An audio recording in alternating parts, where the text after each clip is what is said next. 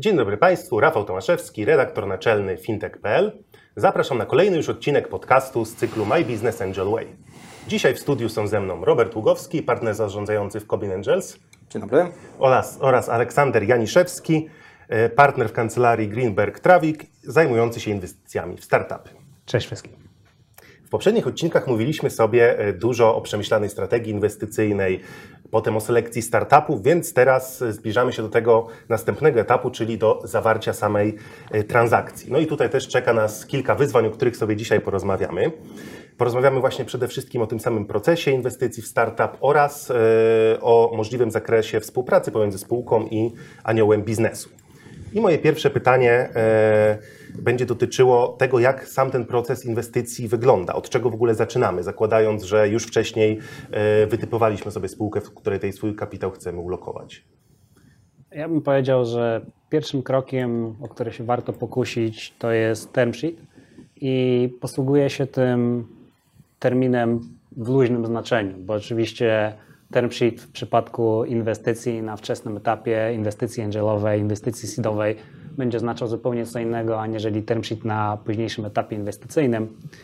I e, w tym ujęciu luźniejszym chciałbym mówić o term sheetie jako pewnego rodzaju podsumowaniu warunków inwestycji od strony komercyjnej i tak naprawdę opisaniu, e, kto inwestuje, w co inwestuje, na jakich warunkach tak żeby nie było niedomówień pomiędzy stronami, co tak naprawdę chcą zrobić.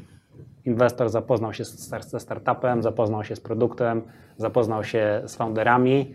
E, muszą jakoś zmemorializować swoje ustalenia i dlatego sugeruję, że takim dobrym pierwszym krokiem jest ten sheet. Ja bym to trochę rozwinął, dodałbym, e, że nie mamy jednego e, takiego wystandaryzowanego e, sposobu robienia tych inwestycji. Mówię o krokach. E, to oczywiście wszystkie te elementy pojawiają się, e, bo właśnie te warunki gdzieś tam od początku rozmów ze startupem startup proponuje, potem są dyskutowane. E, podobnie e, tak naprawdę każda rozmowa ze startupem jest jakimś tam elementem budowania sobie wiedzy o spółce, czyli tego procesu due diligence.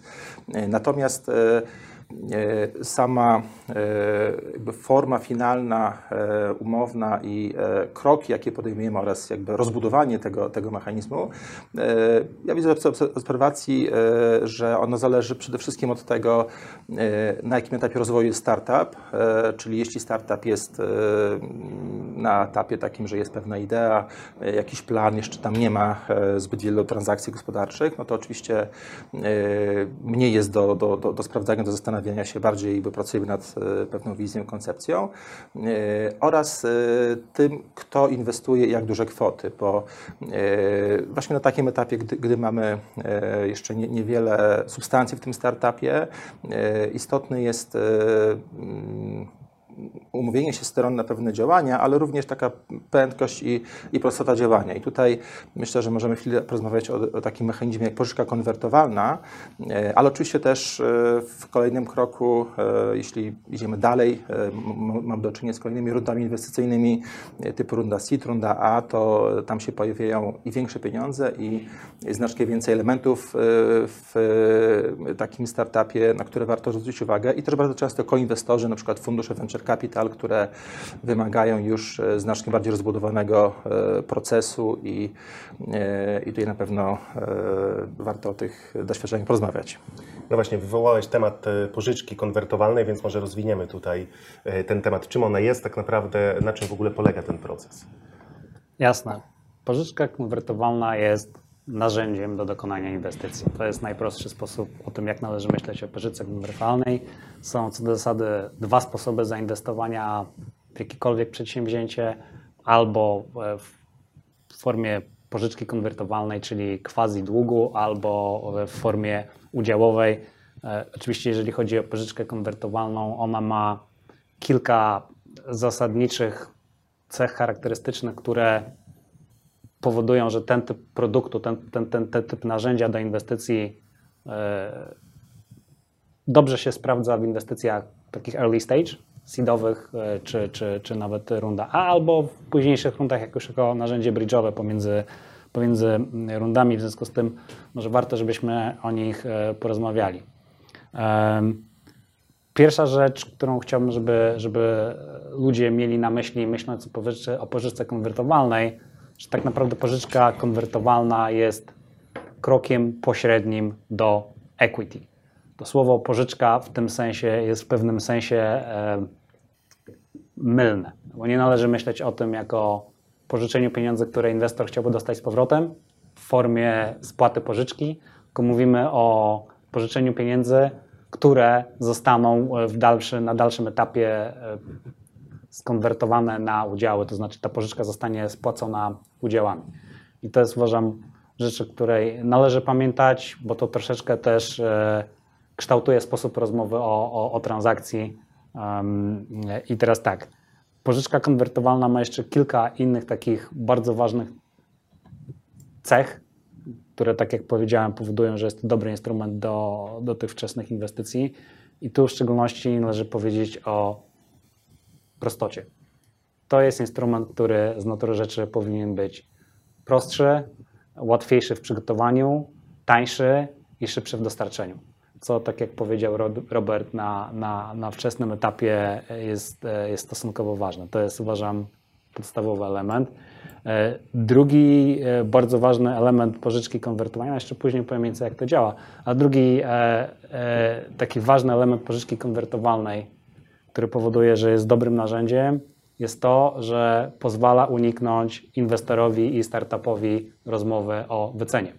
A rozmowa o wycenie jak wiecie z poprzednich odcinków, potrafi być na, na, na wstępnym etapie bardzo trudna, no bo jak wycenić coś, co tak naprawdę niejednokrotnie jest po prostu kilkoma slajdami i, i founderem. E, a w przypadku pożyczki konwertowalnej rozmowa o wycenie jest tak naprawdę przerzucona na rynek, na przyszłych inwestorów, którzy przyjdą, włożą jakieś pieniądze do startupu i spowodują, że ta pożyczka konwertowalna zamieni się na udział. Robert, chciałbyś coś jeszcze z tych głównych cech Y, ja myślę, że warto wspomnieć o tym, że to jest bardzo popularna forma, jeśli chodzi o inwestycje angelowe na rynkach e, takich dojrzałych zachodniej Europy. E, w Stanach to w zasadzie jest standard, tam są gotowe template'y, ustala się tam dosłownie kilka parametrów i to pozwala też uniknąć angażowania e, prawników w, w cały proces. I oczywiście przyspiesza, też jakby obniża koszty, no bo jeśli mówimy o inwestycji jednego, dwóch, kilku e, aniołów biznesu i to są pojedyncze setki tysięcy złotych, to jakby te koszty, koszty transakcyjne też, e, też mają jakieś znaczenie. E, to odroczenie rozmowy o wycenie ma oczywiście swoje plusy i minusy i w całym procesie, niezależnie od tego, czy to jest pożyczka konwertowalna, czy, czy umowa inwestycyjna na koniec dnia, myślę, że warto pamiętać o tym, że E, celem takim nadrzędnym jest zbudowanie tego biznesu, danie, danie e, funderowi szansy na to, żeby on ten biznes rozwinął e, i pewien balans pomiędzy kontrolą inwestorską, jego oczekiwaniami co do zwrotu i tym, żeby, żeby ten biznes mógł się dość swobodnie rozwijać, bo startupy to jest taka forma biznesu, która musi próbować testować, musi mieć tą swobodę e, pivotowania i szukania sobie tego miejsca na rynku, więc e, ta pożyczka konwertowalna również z tego punktu widzenia jest e, relatywnie dobra, bo daje właśnie tą swobodę i szereg elementów tak naprawdę dyskutujemy dopiero wtedy, gdy mamy już większe prawdopodobieństwo, że z tego będzie jakiś większy biznes. Powiedzieliśmy, czekaj, jeszcze mhm, sekundkę, powiedzieliśmy sobie kilka rzeczy na temat tego, jakie ona ma cechy, dlaczego jest dobra i dlaczego, dlaczego służy w tego typu transakcjach. Natomiast może dla osób, które są mniej zorientowane, powiedzmy jeszcze w żołnierskich słowach, jak to działa w najprostszym, najprostszym możliwym sposobie. To po prostu polega na tym, że inwestor wkłada pieniądze do spółki, dokumentacja jest nazwana dokumentacją pożyczki. E, zazwyczaj Okres zapadalności takiej pożyczki to jest pomiędzy 12 a 24 miesiące. I tak jak powiedziałem, zamysł jest taki, że ta pożyczka nie będzie spłacana pieniędzmi, e, tak jak klasyczna pożyczka, tylko jest pewnego rodzaju brydżem do udziałów. I co powoduje, że te udziały w pewnym momencie mają się pojawić. Takim zdarzeniem, które powoduje, że te udziały mają się pojawić, jest coś, co jest immanentną, immanentną cechą każdego startupu, szczególnie w formule VC, czyli kolejna runda finansowania, która będzie zrobiona w formule udziałowej. To znaczy przyjdzie jakiś inwestor, powie, ok, ja zainwestuję w Twój startup, poproszę za, ten, za, za, swój, za swój tykiet inwestycyjny poproszę tyle i tyle udziałów, co oznacza, że masz taką i taką wycenę. I to jest to, to coś, tak zwane qualified financing, które powoduje, że pieniądze z pożyczki niejako automatycznie zamieniają się na udziały takiej samej kategorii, jakie dostaje ten inwestor w, w kolejnej rundzie inwestycyjnej. W tym momencie to przestaje być pożyczka, także jest to taki mechanizm hybrydowy, który prowadzi do, do, do emisji udziałów w określonym późniejszym terminie. To może dodamy jeszcze, że jednym z istotnych parametrów pod, e, takiej poczki konwertowalnej jest discount, czyli e, inwestorzy, którzy wchodzą wcześniej, na większym ryzyku, e, również e, to odzwierciedla wartość pieniądza w czasie, e, uzyskają e, lepsze warunki w momencie zamiany tej pożyczki na udziały bądź akcje spółki. Właśnie o wartość tego dyskantu to jest z reguły kilkanaście, dwadzieścia parę do 30%, w zależności od tego, jak strony się umówią. Również to czasami odzwierciedla, odzwierciedla też takie dodatkowe wsparcie, które Business Angel udziela startupowi, e, ale no to jest taki mechanizm, który zachęca, żeby wejść wcześniej i zaufać e, wcześniej, niż zrobią to fundusze VC. No właśnie, powiedzieliśmy już sporo mm, o pożyczce konwertowalnej, o formach inwestycji, ale też y, pomówmy trochę o samych formach e, prawnych tutaj współpracy anioła biznesu ze startupem. Jak ta kwestia wygląda? Dobre pytanie i tak jak zasugerował Robert, należy sobie w ogóle odpowiedzieć, czy na tak wczesnym etapie ludzie chcą skorzystać z pomocy prawnika. W sytuacji, w której ja oczywiście gorąco do tego zachęcam, nie z uwagi na to, że, że, że wykonuję tą pracę, ale po prostu z obserwacji, z obserwacji, jak tego typu rzeczy funkcjonują. E, W sytuacji, w której mamy dosyć mocno wystandaryzowany i ukształtowany rynek, tak jak rynki zachodnie, rzeczywiście jest coś, co można by nazwać modelową dokumentacją, gdzie nawet osoba, która no, nie zajmuje się produkowaniem dokumentów prawnych na co dzień, jest w stanie te dokumenty wypełnić i one będą dostatecznie dobre, żeby, żeby ruszyć do przodu, żeby, żeby startup dostał pieniądze i żeby, żeby inwestycja się zmaterializowała. Niestety w polskich realiach jeszcze tam nie jesteśmy i warto się udać do kogoś, kto wie, jak to się robi. Do takich ludzi, na przykład jak, jak, jak Robert i, i Kobin, którzy będą w stanie pomóc, czy, czy do prawników, którzy się tego typu rzeczami zajmują na co dzień, żeby mogli, żeby mogli takiego inwestora pokierować. Bo pamiętajmy też, że wśród angeli są ludzie różni. Są ludzie, którzy mają ekspertyzę w marketingu, w finansach, w różnych rodzajach, w różnych rodzajach czy tam elementach biznesu, ale niekoniecznie do końca wiedzą, jak robi się transakcje od strony, od strony technicznej. Yy, Tak, ja tutaj jeszcze może dodam, że yy, są dwa takie, moim zdaniem, zasadnicze elementy. Yy, Jeden element yy, w ogóle przy robieniu transakcji, niezależnie od formy prawnej, to jest yy, dobry dobór inwestora do potrzeb startupu i w drugą stronę. Yy, Chodzi o to, żeby te strony jakąś synergię biznesową tworzyły, bo tutaj bardzo często nie mówimy tylko o zaangażowaniu finansowym, ale również o jakimś wsparciu, ale również o tym, że e, strony spędzą ze sobą kilka, jeśli nie kilkanaście lat e, i po prostu muszą e, ułożyć sobie relacje, muszą się dogadywać. I to jest pierwsza rzecz. Druga jest taka, o tym trochę wspomniał Alex, e, że istotne jest, żeby w ramach tej transakcji e, omówić szereg rzeczy, ich jest dość, dość dużo, e, które e, no, są powiedzmy standardowe, ale, ale jeśli się nie funkcjonuje w tym środowisku, e, to dla wielu osób e, mogą nie być oczywiste. E, I tutaj chodzi bardziej o oczekiwania i takie wyobrażenie sobie, co się może wydarzyć, umówienie się na pewne sytuacje. I być może przełożenie ich na umowę, być może, być może e, jeśli mamy pożyczkę konwertowalną, e, po prostu e, jakieś spisanie sobie w mailu nawet, czy, czy nawet gentleman's agreement, ale chodzi o takie sytuacje, że na przykład founder powinien poświęcić się pracy w startupie albo mm, w całości, albo jeśli ma jakieś dodatkowe zajęcie, to powinien to powiedzieć inwestorom, bo jeśli taki fakt objawi nam się po inwestycji, to, to inwestorzy nie będą mieli świadomości to może to być no, jakiś tam powód do dyskusji, być może konfliktu, a konflikty na pewno nie są czymś, co powoduje, że startupy rozwijają się szybciej z, z dużym sukcesem. Więc to są takie dodatkowe rzeczy, które są otoczeniem transakcji, natomiast o samej transakcji być może jeszcze porozmawiamy. Tak, no bo właśnie jakie też tutaj są ramy i możliwości współpracy pomiędzy aniołem biznesu i startupem? Na co możemy sobie pozwolić jako anioł biznesu? Jakie tutaj mechanizmy można wykorzystać? To, na co tak naprawdę możemy sobie pozwolić, wyznacza rynek. E, I tak jak powiedział Robert, bardzo ważne jest, żeby na początku te relacje ułożyć dobrze, ale też ułożyć je rynkowo. To jest, powiedzmy, zaczynamy układać Tetris, to jest pierwszy klocek. Jak pierwszy klocek źle ułożymy, to żadne inne klocki pozostałe nie będą pasowały i, i, i o tym należy pamiętać. E, I mając to na uwadze, należy też pamiętać, że to jest w pewnym sensie sztafeta, gdzie ten pierwszy inwestor angelowy e, jest na pierwszej zmianie, ale w pewnym momencie będzie musiał przekazać pałeczkę komuś innemu i ta inna osoba w pewnym sensie jest e, nadzieją, tudzież gwarancją szansy na zwrot inwestycji tego pierwotnego inwestora Angela.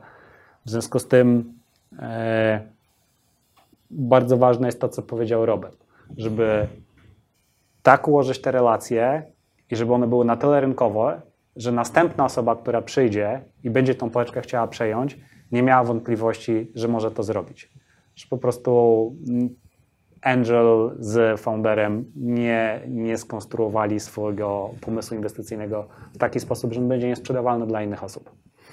Y, tak, to jest częsty problem, który obserwujemy na rynku. Jak przychodzą do nas startupy, y, to zdarzają się takie sytuacje, że już na tych wcześniejszych rundach inwestowania te relacje są ułożone w sposób trudny do zaakceptowania dla kolejnych inwestorów, bo albo mamy tak zwany problem broken cap table, gdzie widzimy, że funderzy już mają relatywnie mało, mało udziałów, jeśli dołączą kolejni anioły biznesu, jeśli potem dołączą kilka, czasem nawet kilkanaście funduszy, zanim dojdziemy do exitu, to y, no po prostu ci kolejni inwestorzy nie wierzą, że y, funderzy startupu będą, mieli odpowiednią motywację, żeby y, budować ten startup w Dolinie Korna i jeszcze dalej.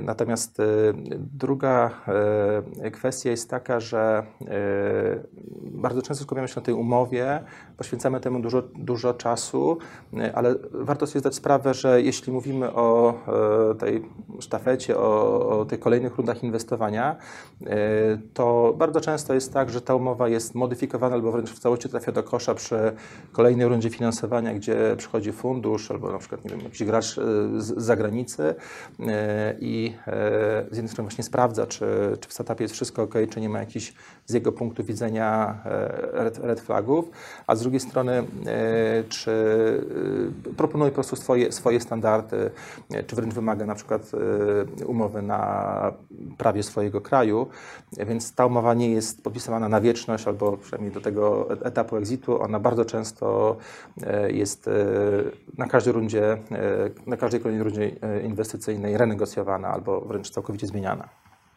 No właśnie, padło tutaj już dużo informacji odnośnie inwestycji w startup przez anioła biznesu. Może, żeby usystematyzować to powiedzmy, jak sama transakcja przebiega, tak? Powiedzmy e, w kilku, w kilku krokach, w kilku słowach, w ramach podsumowania, jak ta transakcja pomiędzy aniołem biznesu i startupem wygląda, czego ma, mogą się spodziewać tacy aniołowie biznesu, którzy chcą zainwestować w swoją pierwszą może spółkę. Tak jak powiedziałem na samym początku, od tego zaczęliśmy. Moim zdaniem pierwszym takim ważnym elementem transakcji, o który strona się powinna pokusić, to jest przygotowanie term sheetu i opisanie sobie tego, co strony tak naprawdę zamierzają, zamierzają zrobić. I rozmawiając o tym shicie, należy myśleć w dwóch kategoriach: ekonomika i kontrola. Wszystko się sprowadza do tych dwóch prostych e, kategorii: ekonomika i kontrola, czyli jakie są warunki inwestycji od strony finansowej i kwestia kontrolna, jakie inwestor będzie miał oczekiwania w stosunku do startupu w zakresie kontroli, jeżeli mówimy o wczesnym etapie inwestycji, jeżeli mówimy o inwestycji w formule pożyczki konwertowalnej, to zazwyczaj ten element kontrolny jest bardzo ograniczone. E, bardzo, bardzo ograniczone. E, niemniej jednak term sheet to jest pierwszy, pierwszy krok, o który warto się pokusić.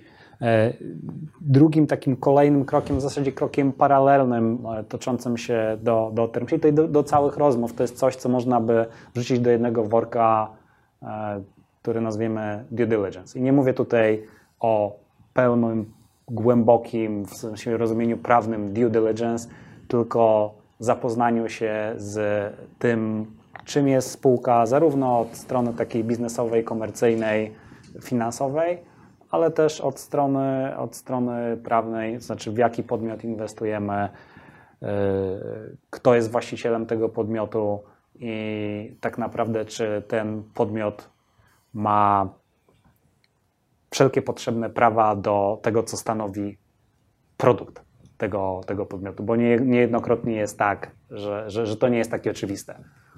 Pomysł mógł być wygenerowany przez kilka różnych osób. Na samym początku może one ze sobą są w dobrej komitywie, później mogą być w gorszej komitywie i warto się upewnić, że jeżeli jesteśmy inwestorem, to spółkę, w którą inwestujemy, bo, bo to się będzie do tego sprowadzało. Każda inwestycja na pewnym etapie będzie wymagała przez startup założenia spółki, żeby upewnić się, że ta spółka jest właścicielem praw intelektualnych do, do, do tego, co jest produktem, e, produktem spółki. Jeżeli przejdziemy już e, przez ten, przez ten etap, no to oczywiście kolejnym etapem jest przygotowanie dokumentacji inwestycyjnej, czy to będzie pożyczka konwertowalna, czy to będzie runda equity, no to już zależy od, od okoliczności e, od okoliczności i warunków, jakie sobie strony uzgodni. Ja może jeszcze do tego dodam, że tak z lotu ptaka to te trzy etapy znaczają też, też pewne e, obszary rozmów, czyli e, ten sheet jest po to, żeby zobaczyć, czym jesteśmy w stanie się biznesowo porozumieć. Tam są te najważniejsze warunki, to jest forma listu intencyjnego, niezobowiązująca, ale dająca stronom poczucie, że już wiemy, co chcemy w tej umowie mieć. Często też jest tak, że to jest pewien automat. To, co w umowie, jeśli w due diligence nie objawia nam się jakieś kompletnie nowe informacje, to przekładane jest, rozbudowywane w umowie inwestycyjnej. E, I również często jest tak, że do momentu tego podpisania tego term sheetu nie angażujemy prawników, nie ponosimy jakichś większych kosztów, e, no bo nie wiemy, czy transakcja w ogóle ma szansę dojść do skutku. Następnie e, due diligence to w przypadku aniołu biznesu i zależy od etapu rozwoju startupu różnie wygląda, ma różny wymiar. Czasem to jest kilka rozmów, zrozumienie pewnych rzeczy, czasem to jest sprawdzenie w dokumentach, czasem może to być wynajęcie e, profesjonalistów, e, którzy te dokumenty sprawdzą, czy one potwierdzają to, o czym w tych rozmowach mówiliśmy. No i na koniec przygotowanie umowy, w przypadku pożyczki konwertowalnej, my na przykład w Cobin często, często posługujemy się pewnym wzorem, e, który mamy wypracowany już e, i przećwiczony w kilku transakcjach. Jeśli bazujemy na wzorach, to nie korzystamy z prawników. Jeśli oczywiście są jakieś negocjacje, duże odstępstwa, to korzystamy przy umowach inwestycyjnych najczęściej występuje wsparcie prawne. To są bardziej skomplikowane dokumenty i również jeśli mówimy o takich większych rundach E, z, z funduszami, to warto jeszcze wspomnieć o czasie, bo pożyczka konwertowalna to jest e, instrument, e, który pozwala zamknąć taką inwestycję w ciągu pojedynczych tygodni. Taki rekord to, to może być 2-3, natomiast jeśli mówimy o inwestycji z pełną tą ścieżką i z umową inwestycyjną, to to są miesiące, miesiąc, dwa. E, jeśli mamy jeszcze e, kilka podmiotów, na przykład fundusze inwestycyjne, one mają jeszcze swoje komitety, to, to, to mm, są to czasami nawet dłuższe okresy, więc e, na to warto zwrócić uwagę też wybierając sobie tę ścieżkę. Troszkę już o tym powiedzieliście, ale może jeszcze rozwiniemy kwestię tych wyzwań, właśnie z jakimi na tym etapie muszą się mierzyć aniołowie biznesu. Na co tutaj y, trzeba zwrócić uwagę? Moim zdaniem szereg tych wyzwań, wyzwań wynika z prostego faktu. Wynika z faktu takiego, że w większości przypadków dla foundera to będzie pierwszy raz, jak oni coś takiego robią. Pierwszy raz, jak idą inwestorów, do inwestorów po pieniądze. Oczywiście są przypadki, gdzie są to founderzy, którzy robią już któryś kolejny biznes, mieli, mieli exity i wtedy oni doskonale wiedzą, jak to funkcjonuje i czego można oczekiwać. Natomiast w większości przypadków e, jest to dla założycieli pierwszy raz, e, gdzie idą do inwestora zewnętrznego po pieniądze i najzwyczajniej w świecie nie wiedzą, jak ten proces wygląda. Czego się spodziewać, e, jakie są kroki, jakie będą oczekiwania inwestora, co to oznacza na przyszłość.